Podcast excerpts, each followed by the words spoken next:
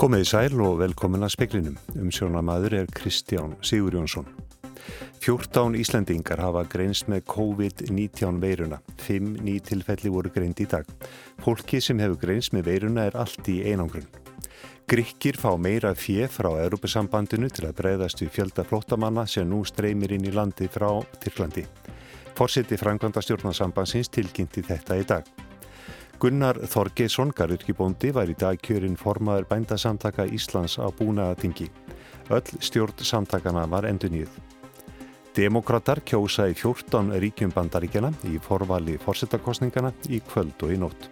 Og við fylgjum með þegar hljóðfæra leikara Sinfoni Hljómsveitar Íslands eru hirnarmældir á degi hirnar. Mjög alvarlegt vinnuslís varði í Mórsfjalls bæ í dag þegar gólplata hrundi á byggingasvæði. Tveir menn urðu undir plötunni. Anna maðurinn komst undan á sjálfstáðun en báðir eru mjög alvarlega slasaðir og voru fluttir á slísatild. Valgardur Valgarsson, aðal varstjóri hjá Lörglun og höfuborgarsvæðinu, segir í samtaliði fréttastofu að töluverðan tíma hefði tekið að komast að setni manninum. Tryggja þurfti vettvang fyrir viðbræðsæðila meðal annars með aðstóð sérhæðrar rústabjörgunarsveitar úr Hafnafyrði. Fimm greindust með COVID-19 veiruna í dag. Þar með hafa 14 greinst hér á landi frá því á förstu dag. Allir smituðust elendis. Síkla og veirufræðitild landsbítala hefur greint 5 tilfelli af COVID-19 veikin í dag. Alls er því búið að greina 14 Íslendinga með veikin á síðustu dögum. Allir er á 50 og 60 aldri. 11 komið með flugi frá Verón á Norður Ítalju. Þrýr komið til Íslands frá Östuríki gegnum München í Þískalandi á laugardag og sunnudag. Fólki sem hefur greins með veiruna er í einangrunn. Búið er að rannsaka 29 sína á landsbítali í dag og 180 síni frá upphafi. Smitt rannsóknateimi Almanna varnadelda ríkislaureglustjóra, laugreglunar á höfuborgarsvæðinu og sóttvarnalæknis er að störfum. Már Kristjánsson yfirlæknir smittsjúkdómalækning á landsbítala sagði á bladamannafundi í dag að allt kapp væri lagt á að stöðva útbreðslu veirunar. Það er vegna þess að sjúkdómurinn er nýr og fólk hefur ekki komið sér upp vörnum gegn honum. Már lísti því hvernig fólk kann að verða vart við sjúkdóminn. Ef að fólk hefur verið á útsettum svæðum síðastlega 14 daga og þróar með sér hýta og þurran hósta sem eru tvö algengustu einkennin að þá á það að gera vart við sig og uh, fá greiningum. Þó svo að fólk með undirlikjandi sjúkdóma verði verð fyrir barðin á veikin en heilbrið fólk er það ekki líklegur en aðrir til að veikjast. Hvenar er maður útsettur? Já, það er ef að maður hefur verið í tengslum við uh, staðfest tilfelli í innan við 1-2 metra í meira en 15 mínútur. Sæði Már Kristjánsson, Brynjólfur Þór Guðmundsson tók saman. Karlmaður á 60-saldri sem smitaður er af koronaveirunni var á sama hóteli í skíðabænum Selva á Ítali og margir aðri sem hafa greinst. Þrýr Íslandingahópar voru á hótelinu og hafðu ekki mikinn samgang. Í öllum hópunum hef, hafa greinst smitt. Í hans hópi sem var á þessu hóteli eru þrýr smitaðir, tveir með enginni og einn engina laus. Hann segist ekki vera mikið veikur.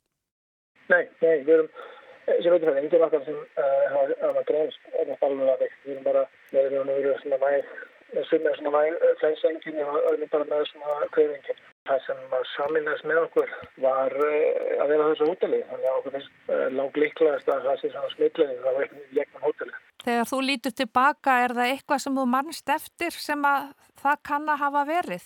Nei, það var flott hótel og, og öll þjónist af allsvegi sem er framúrskarðan.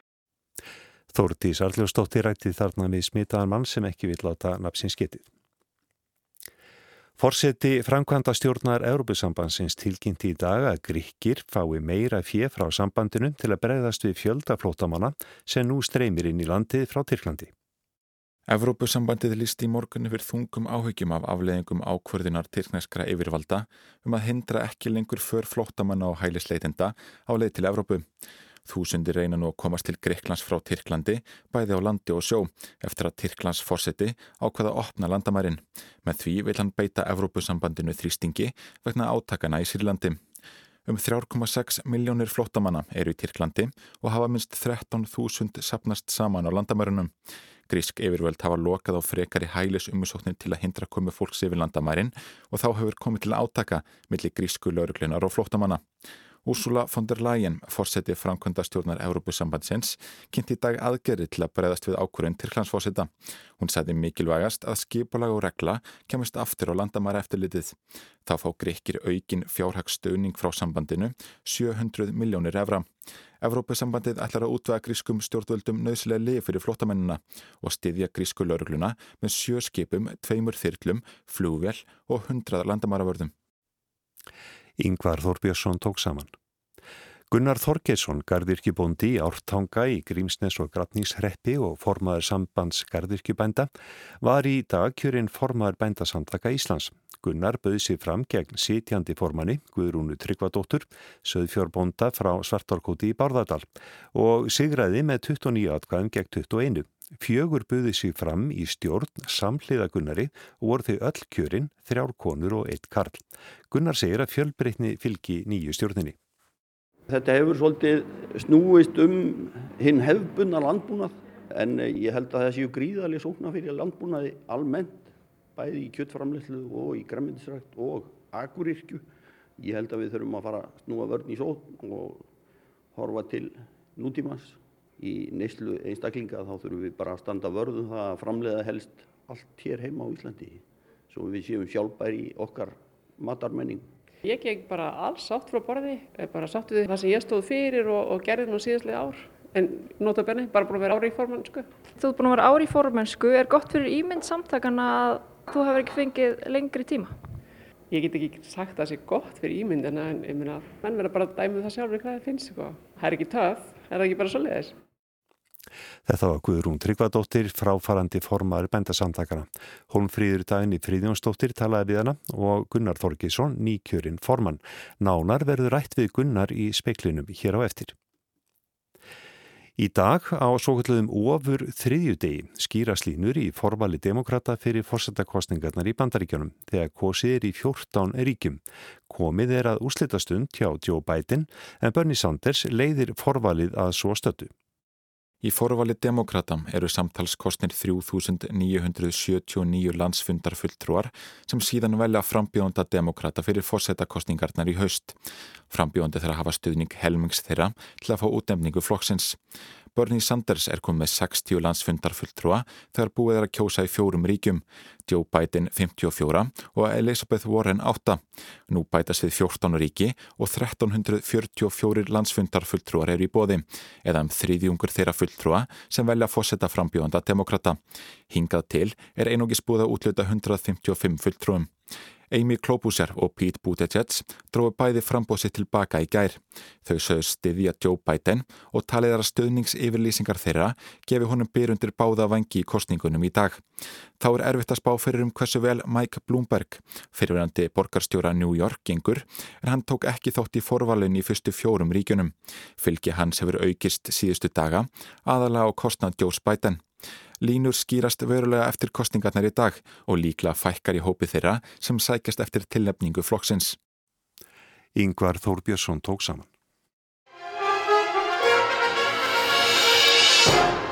Hávaðinn á hljómsveitaræfingu Sinfóniuljónstarinnar er nánast við sásaukamörk. Vinnu eftirlitið mældi heyrn liðsmanna Sinfóniuljónstarinnar þar sem hún var á æfingu í hörpu í morgun en í dag er alþjóðadagur heyrnar. Þarna var meðal hávaði á hljómsveitarsvæðinu eh, við hættumörk og sló upp í 145 decibel sem er nánast sásaukamörk segir Kristján Sverrisson, forstjóri heyrnar og talmennastöðvarinnar. Hann tekur þó fram að sinfóniulhóstin sé í fararbrotti þegar kemur að því að huga að heyrnarheilsu fólks. Ég held að tónlistaskólar og skólar almennt uh, þurfa að huga hljóðvist og heyrnarvend. Kristján segir afar mikilvægt að foreldrar verndi heyrn barna sinna nota hernalífar sem betur fyrir sér maður þetta um áramót og á háværum tónleikum og íþróttaviðbörðum og svona að fólk er farið að setja hernalífar á ungbönn það er til fyrirmyndar og við verðum að venda þetta og tryggja að börnin haldi hern alla æfi. Þetta var Kristján Sverrisson, Jóhann Hlíðar Harðarsson talaði við hann. Eins og framkom hér í frettalhuta speilsins þá var Gunnar Þorgersson garðirkibúndi í Ártanga í Grímsnes og Gratnisreppi og formaði sambandsgarðirkibænda. Í dag kjörinn formaður bændasamtaka Íslands. Hann tilkynntu um frambóðsitt í gær en fráfarandi formaður Guðrún Tryggvadóttir, söðfjórbóndi frá Svartárkóti í Barðardal, hafi gefið þá út að hún sættist eftir formensku áfram. Hún var varaformaður bændasamtakana en tók við formensku fyrir árið þegar Sigurgeir Sindri Sigurgeirsson hætti. Það má segja að hálgerð Hallarbilding hafi verið gerði í bændasandtökunum í dag því fjögur buðið sér fram í stjórn með Gunnari og voru þau öll kjörin og eru öll nýji stjórn, þrjár konur og eitt karl.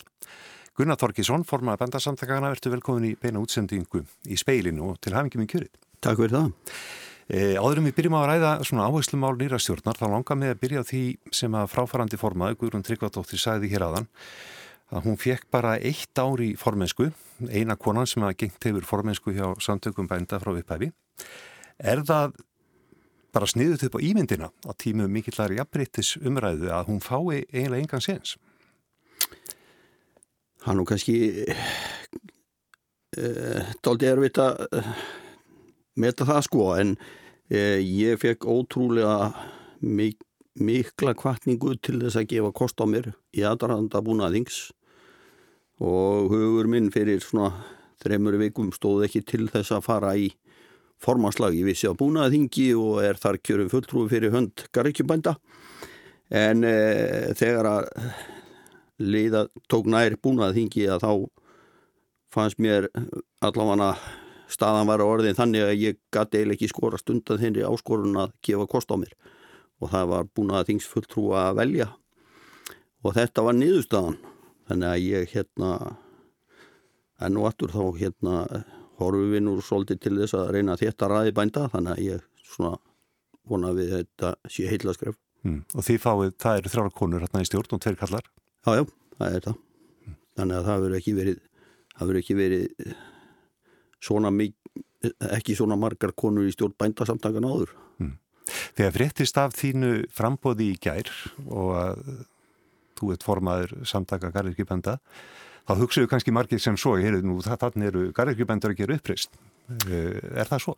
Nei, uh, kvartning mín til frambóðs kom alls ekkit frekar úr rauðum garðirkjubænda frekar en annara bænda þannig að það voru aðri bændur sem að kvöttu mér til þess uh, ég hefur svo verið formaður samband garðirkjubænda í nokkuð tíma og en ég lætt af því starfi núna setna í þessu mánuði þar sem að ég sé ekki að ég geti verið með marga hatta í þessu, þessu, þessu vettvaki. Mm. En hafa garðirki bændur verið óanæðir með eh, fórustu bændasamtakana? Já, garðirki bændur hafa svolítið sko verið Já, allavega mjög duglegir að gæta sinna hagsmuna í gegnum samband garðirki bænda, svo það sé sagt og e, við kannski höfum verið mjög hávær rött innan landbúnaðagerans og við höfum miklar væntingar til svona stuðnís í gardirkju þar sem er orðið gríðarlega eftirspurn eftir í gardirkju afurðum og við erum alls ekki að eh, fullnægja því sem við gætum verið að framleiða hér heima. Nú, það stendur nú yfir endurskoðun á búrsamningi í gardirkjunni þessa dagana átti nú að klára það fyrir áramóti er nú svona, fóð nú allt í bæði óveður og allavegana vandamál þannig að en eins og sé þá verið endur sko að búið samningi garðkinu í, í þessu tölu orðum. Mm. En nú er þú með alla bændur undir þínum hætti og, og nýstjórn og hverjar verða nú aðal áherslunar? Ég held að aðal áherslunar og það var nú svona mjög góð og, og málefnileg umræða á búnað þingi í dag ég var nú bara að slíta þinginu núna fyrir já, hálf tíma síðan og e, þar sem að menn voru mjög upptöknir af því að reyna þétta raðir bænda og gera bændur beina aðila að bændasamtökunum sem slíkum og reyna að snikka svolítið frá allt þetta flækukerfi búnaða sambanda og búgreina félaga og allt það og reyna að koma sérsagt hagsmuna gæslu bænda beint í gegnum bændarsamtökin. Mm. Þetta er flóki kerfi, það skilur allar nokkuð maður upp niður í þessu? Nei, ég átta mig alveg á því. Okkur taldist til að væru 140 félug bænda í, í kerfinu, þannig að nú þurfum við kannski svolítið að fara strömminlunulega þetta. Þetta er náttúrulega orðið 180 og 30 ára gamalt félag og ég held að það sé nöðsynlegt að menn svona téttir aðeinar og Ég held líka að við þurfum svolítið að fara að taka landbúnað upp á svona hærra plan og ræðum sóknafæri landbúnaðar á Íslandi. Hvort svo sem að það er í græmiðtisframleyslu, kjöttframleyslu, akurirkju, kottrækt. Þannig að ég held að það séu gríðarlega sóknafæri fyrir íslenska landbúnað til framtíðar. Mm. En þýðir þessu uppstokkun á félagskerfi e, benda að félug eins og félag sögfjálfbænda, félag kóbænda, þetta verður lagt niður? Já, það er ekki kannski beint til að maður leggja þau eh, beinleins niður heldur eh, að strömlinlaga þetta svolítið að þeir verði kannski svolítið að ræða bara um sína sérhagsmunni eins og menn eru náttúrulega alþjóða samstarfi, gardirkjannir í samstarfi í Skandinavi og svona sítlítið að hverju og það þarf eitthvað svona klúp til þess að halda utanum það sem slíkt en eh, sem hagsmuna gæslaka hvart eh, ríkisvaldinu og, og þeim áherslu sem við þurfum að leiða að það verði gert í gegnum bændasamtökin sem slík. Hmm. En bursið frá félagstarfi bænda, hva, hver eru helstu hagsmunir bænda núna? Hvað, hver eru mestu krefjandi verkefni framöndan? Ég held að mestu krefjandi verkefni núna framöndan eru náttúrulega, við þurfum sko, var þetta í tollvendina þá þurfum við að skýra hana en, ennú frekar og það snýr bæðið að garðirkju og eins af kjötafurðum og ostum. Ég held að það sé líka svona hagsmannagæslan felis líka í sko veraðum við ríkisvaldið um uh, hvernig við getum, núna eru nýbúið að endur sko að búru samninga í öðrum greinum og endur sko nákvæði 2023. Við þurfum svolítið að ringa þessa samninga þannig að sprótarni geti vaksið umfram það endilega að framlega x marga lítra mjölk eða x marga kindur þannig að ég held að við þurfum einhvern veginn að svona koma svona böndunum af þessu þannig að mann geti svolítið vaksið og þróast svona í neyslu e, e, minnstri nútímans mm. Það hefur verið talað um að gangi illa fyrir ungd fólk að komast inn í greinina. Ef maður sé nú mynda nýkjörnu stjórn þá er þetta nú ekki beint eh, gamalmenni sem eru þarna í stjórn. En hvernig gengur að koma ungu fólk inn? Það er nú líka áhyggjefni og við höfum svo sem rætt þetta svona óformlega við ríkisvaldi hvernig, hvernig gerum við sko nýliðuna stuðning í landbúnaði og ungu fólki klift að kaupa svona eignir því að þessar eignir eru talsveit verðmættar orðnar. Og það er ekkit einfalt að ná í lánsfér til þess að start, eða kaupa sér inn í greina og ég held að þetta sé eitt af áherslu efnu sem við þurfum að ræða við ríkisvaldið og löggjáfan hvernig, hvernig stuðlu við að ný, e, nýliðun í greininni? Mm. hvort svo sem að það er í garðirkju eða í, í mjölkuframlislu eða hverju sem er Gunnar Þorkísson, það er greinlega nægverkefni framöndan hjá þér. Takk fyrir komin í speilin. Takk fyrir það.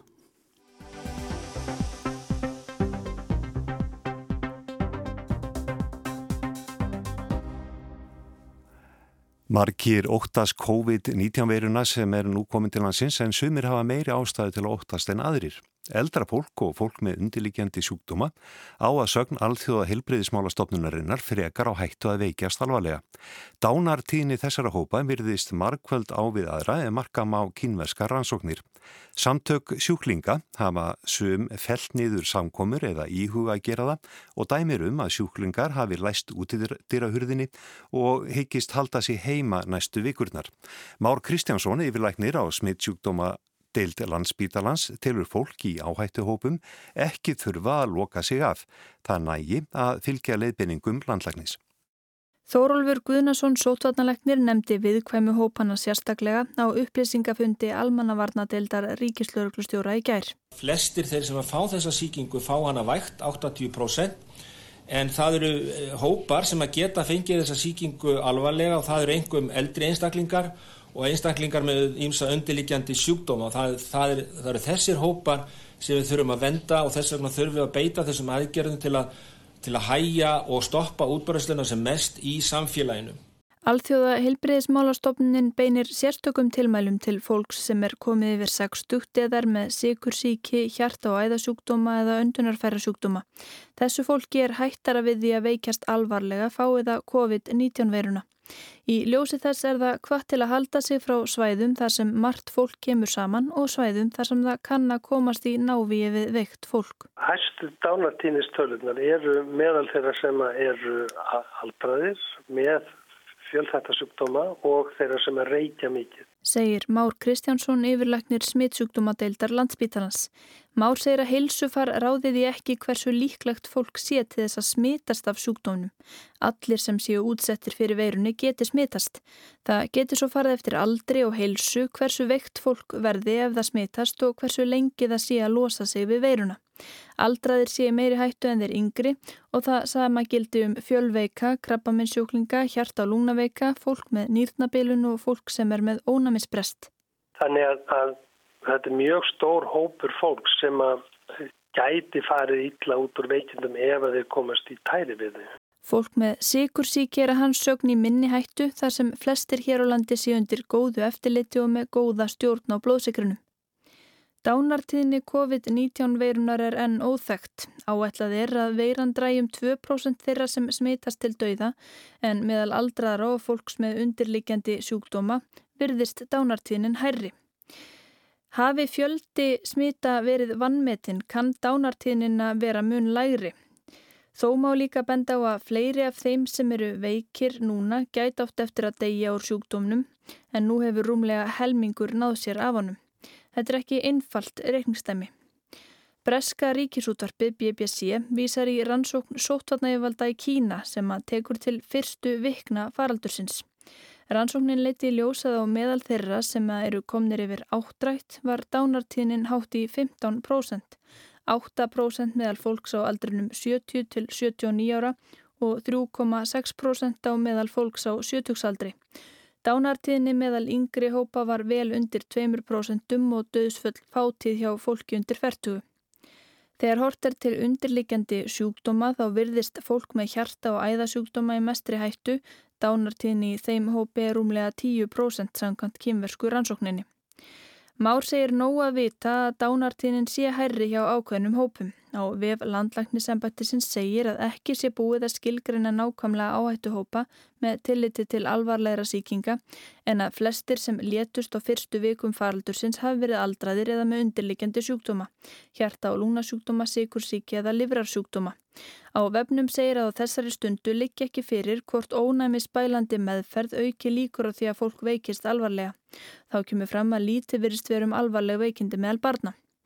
Speiðin heyrði í nokkrum samtökum fólks sem að er í áhættuhópum. Þórun Sveinbjörnsdóttir formaða landsambands eldri borgara segir fólk sem hún hefur rætt við mjög aðrulust. Félagið hefur sett leiðbenningar á heimasíðu sína og hvart félagsmenn til að fylgjast vel með fréttum. Áskeir Þór Árnarsson, framkvæmdastjóri Hjartaheilla, segir samtökinn taka veiruna alvarlega. Öllum ofinbjörnum samkomum á vegum félagsins hefur verið aflýst og ókeipis heilsufarsmælingum sem átt að fara fram í hafnarferði hefur verið frestað. Áskeir segir félagsmenn sem að hafa ringt og beðið um ráðleggingar svo sem um hvort rétt sé að hætta við utanlandsferðir eða slaufa tónleikum. Kjartan Birgisson starfar fyrir Hjartaheill. Hann segir að fólk hafi varan á og fylgi leiðbenningum landlæknis.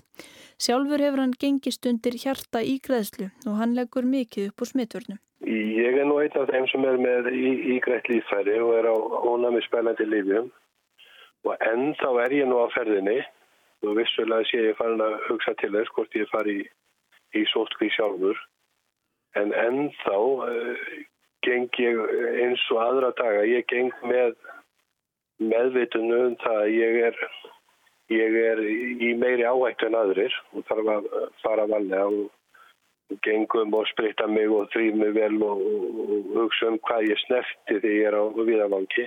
Ef að tilfellum fyrir að fjölga myndu þá eitthvað að endur skoða þetta? Það er sjálfsög. Maður er ekki að leika sér að, að, að vera, vera opinn fyrir vírusnum sko. Kjartani finnst sóttatanleiknir standa sig vel, það sé mikils virði að þau sem standa í fremstu výlínu séu róleg og greini satt og rétt frá framvindunni.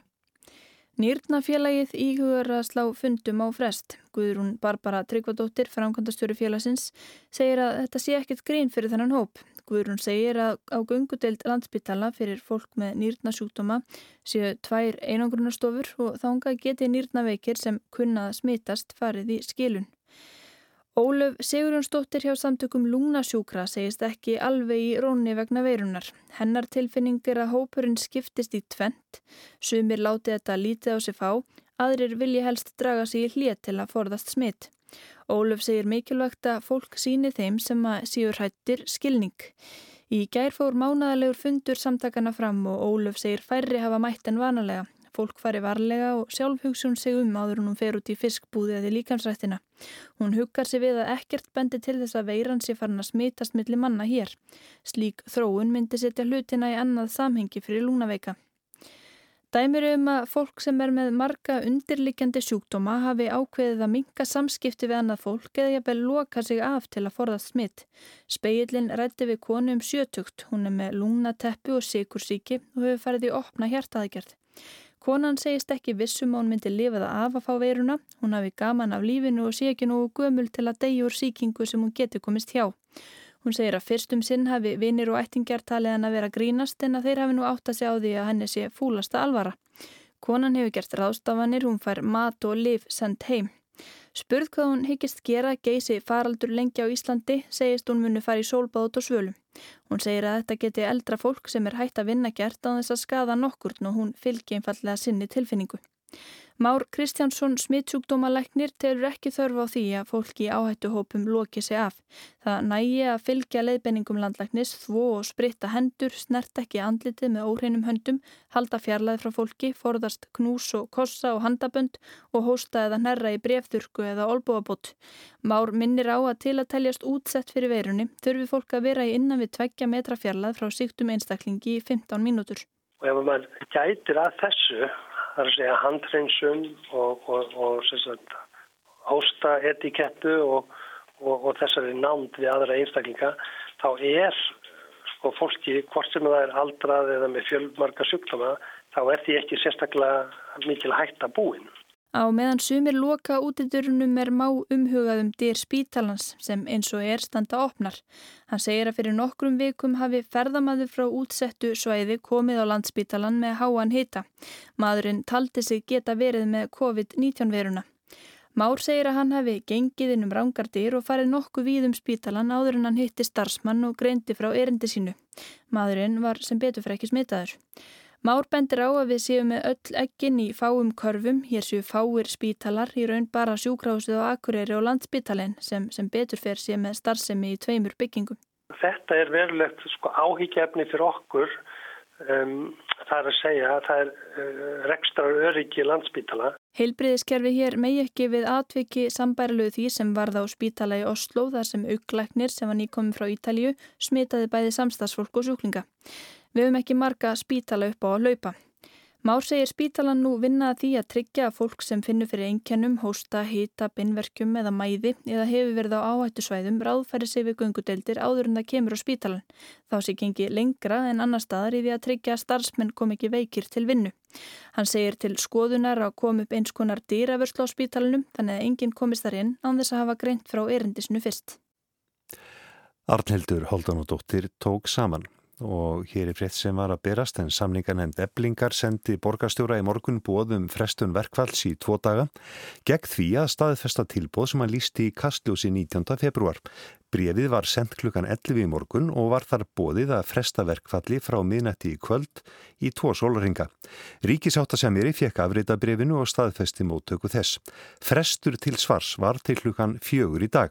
Svar barst ekki fyrir klukkan fjögur og heldur því verkfall áfram segir í tilkynningu frá eblingu. En það var helst í speklinum í kvöld að mjög alvarlegt vinnuslis varði í Moselsbæ þegar gólplata hundi á byggingasvæði. Tveir menn urðu undir plötunni, báðir eru mjög alvarlega slasaðir og voru fluttir á slísatild. 14 Íslandingar hafa greins með COVID-19 veiruna, 5 ný tilfelli voru greint í dag. Fólki sem hefur greins með veiruna er allt í einangrunn. Grykkir fá meira fjö frá Europasambandinu til að bregðast við fjölda flótamanna sem nú streymir inn í landi frá Tyrklandi. Og Gunnar Þorkisson Garðirkibóndi var í dag kjörinn formaður bændasamtaka Íslands á búnaðatingi. Öll stjórn samtakana var endur nýð. Tæknimaður í speklinum í kvöld var Magnús Þorstit Magnússon, verið sæl.